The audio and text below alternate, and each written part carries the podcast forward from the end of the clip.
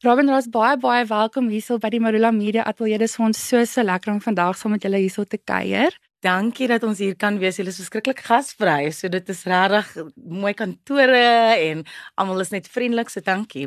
Sê vir my, wat was julle alkeen se reaksie toe julle uitgevind het dat julle nou die geleentheid het om die middagprogram saam aan te bied? Het julle mekaar geken voor die tyd? Ons het ons is 'n paar keer ontmoet. My girlfriend doen pole dancing en Ros ook. En sy is van Durban af. Sy het opgekom vir my te kom kuier en Ros het gesê, jy weet, kom na my ateljee toe, kom oefen bietjie saam. So hulle het mekaar ontmoet. Ek het haar gaan aflaai, so ek het vir Ros op daai aand ontmoet. En dit was die eerste keer eintlik wat ek dink ons ken vir mekaar. Ja. Jy weet van die media af vir jare, maar ons het nooit ontmoet nie. En toe ons daar uitkom, toe is dit o, is lekker om saam te jol, jy weet, kom na ons huis toe vir 'n braai, kom vir 'n partytjies. Ons het mekaar ek sou sê 5 of 6 keer ontmoet voordat ek ek 'n paar keer ingestaan by Jacaranda vir 'n paar weke toe mense weg was en ons het 'n paar shows saam gedoen en dit was baie lekker geweest.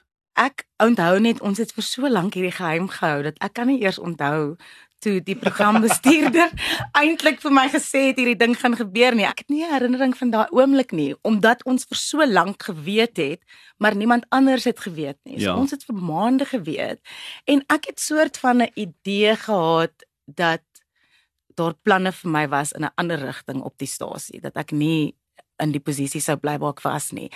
En ek dink toe Rob ingekom het om in te staan, het ek bietjie van 'n gevoel gehad. Hulle doen so 'n bietjie chemistry test om te kyk hoe werk ons saam en so. Ons staan lank genoeg in die besigheid. Ja. Ons ons ons weet as mense iets. Ja, Ja. ek het ge- gedink hulle is besig om iets in die mou te voer en dit was net vir my toe dit nou uiteindelik toe die kontrak nou daar voor my is, was dit ek was net so opgewonde en so net dankbaar want ek is al 9 jaar daar by die stasie. So die feit dat hulle my potensiaal kon sien en kon sien dat ek ook in 'n ander rigting met meer verantwoordelikheid en meer soort van front facing kan wees was net vir my regtig aanmoedigend. So en om met Raad te kan werk is net ook amazing. So dit was baie baie opwindend.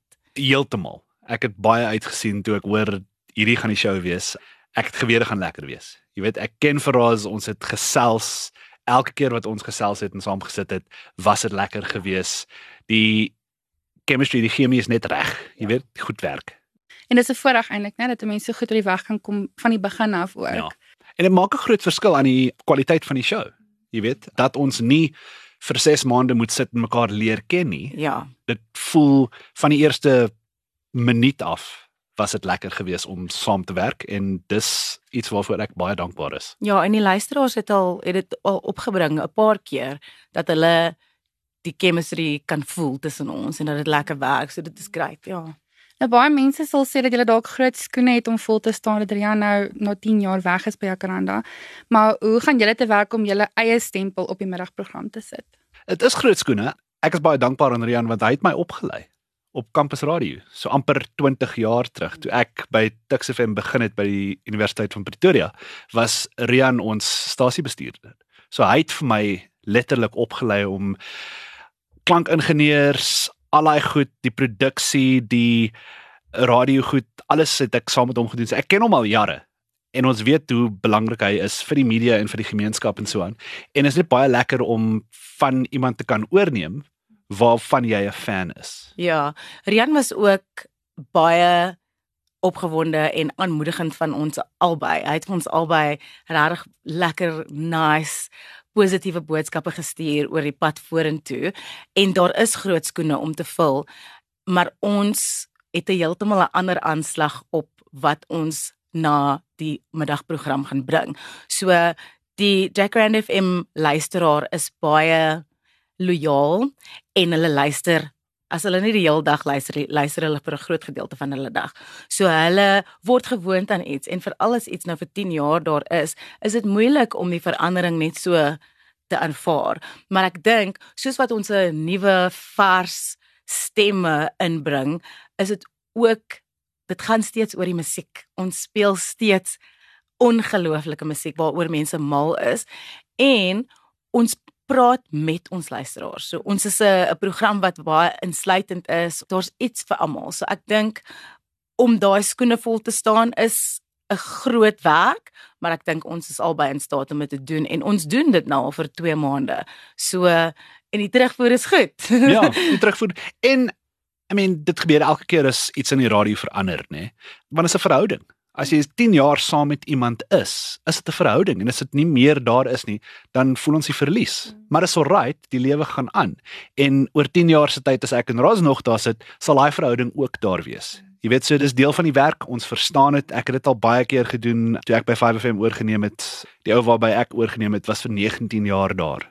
Jy weet. So dis jy, jy verstaan, okay, party mense gaan dink die ou ding was beter, maar dit op die einde van die dag is dit alright. Ons gaan vorentoe.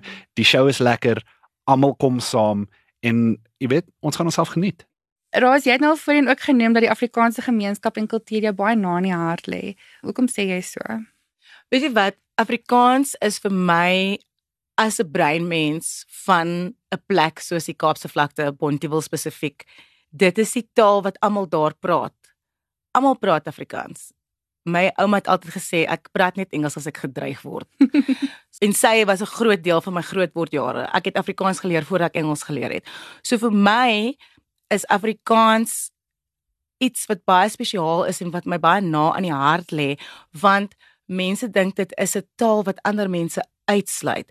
Maar as jy gaan kyk na die mense en ek het dit ook baie ervaar toe ek nog op Kwela gewerk het en al die klein dorpies Noord-Kaap, Oos-Kaap, Wes-Kaap, al daai klein dorpies waarheen jy gaan, dit is breinmense, swart mense wat Afrikaans praat en dit is die taal van ons harte, dit is die taal waarin jy droom, dit is die taal waarin jy jou die beste kan uitdruk. So vir my om skaam te wees om Afrikaans te praat oor die kleur van my vel maak my regtig kwaad want daar's meer mense in hierdie land wat Afrikaans praat wat nie wit is nie as mense wat wit Afrikaans sprekendes is. So as ek dit op my tombstone kan sit eendag, dan het ek 'n lekker lewe gehad. Want dit is regtig vir my ek leer my kinders Afrikaans praat al is hulle pa 'n Brit. Daar's 'n hele ander issue.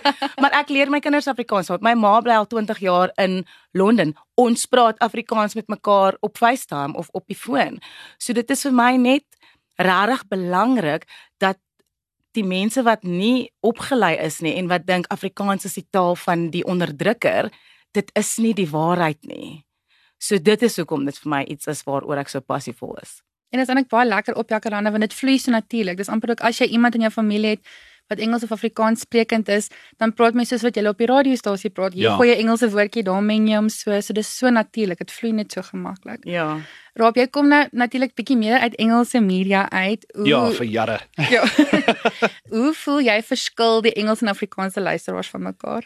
Dis bietjie verskillend in dat ek voel die Afrikaanse luisteraars, daar's baie gemeenskap daarom jy weet. Engelse luisteraars is dit kan jy uitvat in die hele wêreld in. Jy weet soos die Amerikaners goed doen is nie soos die Britse dit doen nie, is nie soos die Australianers dit doen nie, is nie soos ons dit doen nie, is nie soos Engelse mense van Johannesburg gedoen teenoor Engelse mense van Kaapstad van Durban af. Almal daar het hulle eie ding, maar om by Jacaranda uit te kom, voel jy die gemeenskap van almal wat luister, voel jy hoe mense saamtrek om 'n ding soos Good Morning Angels en die goed wat Martin doen en die goeie werk wat daardeur kom. Dit voel net asof daar baie gemeenskap om die radiostasie is en ons gaan dit bou om die show ook. Maar dis 'n belangrike ding. Jy het 'n drang nodig in jou wat sê ek wil meer doen as net hierdie ding voorstel. Ek wil weet dat ons impak kan hê en dat ons goed daarmee kan doen en dit voel soos 'n goeie plek om dit te doen. En ook die, die ding is net op wat jy gesê het om by te voeg daar die feit dat ons in albei tale kan uitsaai en die feit dat ons ek doen dit sommer in 'n middel van 'n sin dan is ek dan kan ek nie by die Afrikaanse woord uitkom nie of ek kan nie by die Engelse woord uitkom nie dan meng ons die tale. En ek dink mense wat puriste is hulle gaan nou nie regtig so grateful daaroor ek het aspres great gesê. Hulle gaan nou nie regtig daarmee saamstem nie maar 'n taal en vir alle tale soos Afrikaans dit groei elke dag, elke oomblik. Dit is die jongste taal in die wêreld. Dit is 'n taal wat die heeltyd net ontwikkel en en ons kan nie net in een patroon bly nie want dan gaan die taal nooit groei nie. Ja. Is iets ook waaroor ek lank gedink het toe ek jonger was. Hoeveel van 'n taal moet suiwer gebruik word en so aan. En vir, jare was ek op daai kant van die ding. En die langer dat ek gedink het, het ek omgekom by 'n punt wat hoe mense kommunikeer is eintlik die belangrike ding. En as ons in Suid-Afrika gesels, veral in hierdie area bo noord in die land waar ons is, jy gesels met iemand Afrikaans, "Oh hey, how are you?" Nee, dis lekker daai. Jy weet, dis hoe ons praat en dis hoe ons op die radio gaan doen. En sê vir my julle daar is natuurlik ook propvol met ander projekte en inisiatiewe, maar hoeveel voorbereiding verg julle middagprogram? So ons werk aan die inhoud vir die komende week werk ons al die vorige week uit. So ons beplan wat elke dag gaan gebeur in terme van om gaste te bespreek om in terme vir ons om ons koppe rondom uh navorsing en daai tipe dinge te kry is dit belangrik dat ons voorberei. So ons weet presies wat gaan op watter dag gebeur. Soms as daar wel soos iets is wat so gebeur soos byvoorbeeld toe koningin Elizabeth dood is toe moes ons bietjie pivot en bietjie daai inhoud in die program insluit. So daar is voorbereiding wat ons doen soos 'n week voor die tyd. Ons kom vroeër voor die program en mense dink ons werk net tussen 4 en 7. Ongelukkig is dit nie die regte antwoord op daai vraag nie. Ons werk nie net tussen 4 en 7 nie, maar daar is baie voorbereiding wat voor die program gebeur want dit moet mense raak en dit moet treffend wees en as jy nie genoeg voorbereiding in jou inhoud insit nie, kan jy maar net daar gaan en musiek speel en ons ons praat tussen die liedjies. Die dae is lank. Ek werk nog aan TV goed ook en ek het my produksiemaatskappy en ek het ook my man en my twee kinders. So dit is nogal moeilik soms om die feit dat ek nou ek glad nie bedtyd maandag tot vrydag ek mis dit ek mis die huiswerk ek mis die swemgalas en die cricketwedstryde en al daai tipe goed so dit is redelik moeilik maar ek weet hulle is bly vir my en ek weet hulle is trots op my en ek weet ook ek werk so hard vir hulle. So dit is nie vir myself wat ek hierdie doen nie. So dat hulle geleenthede kan hê wat ek nie gehad het nie. Dit is nogal 'n bietjie van 'n salf op die op die owie.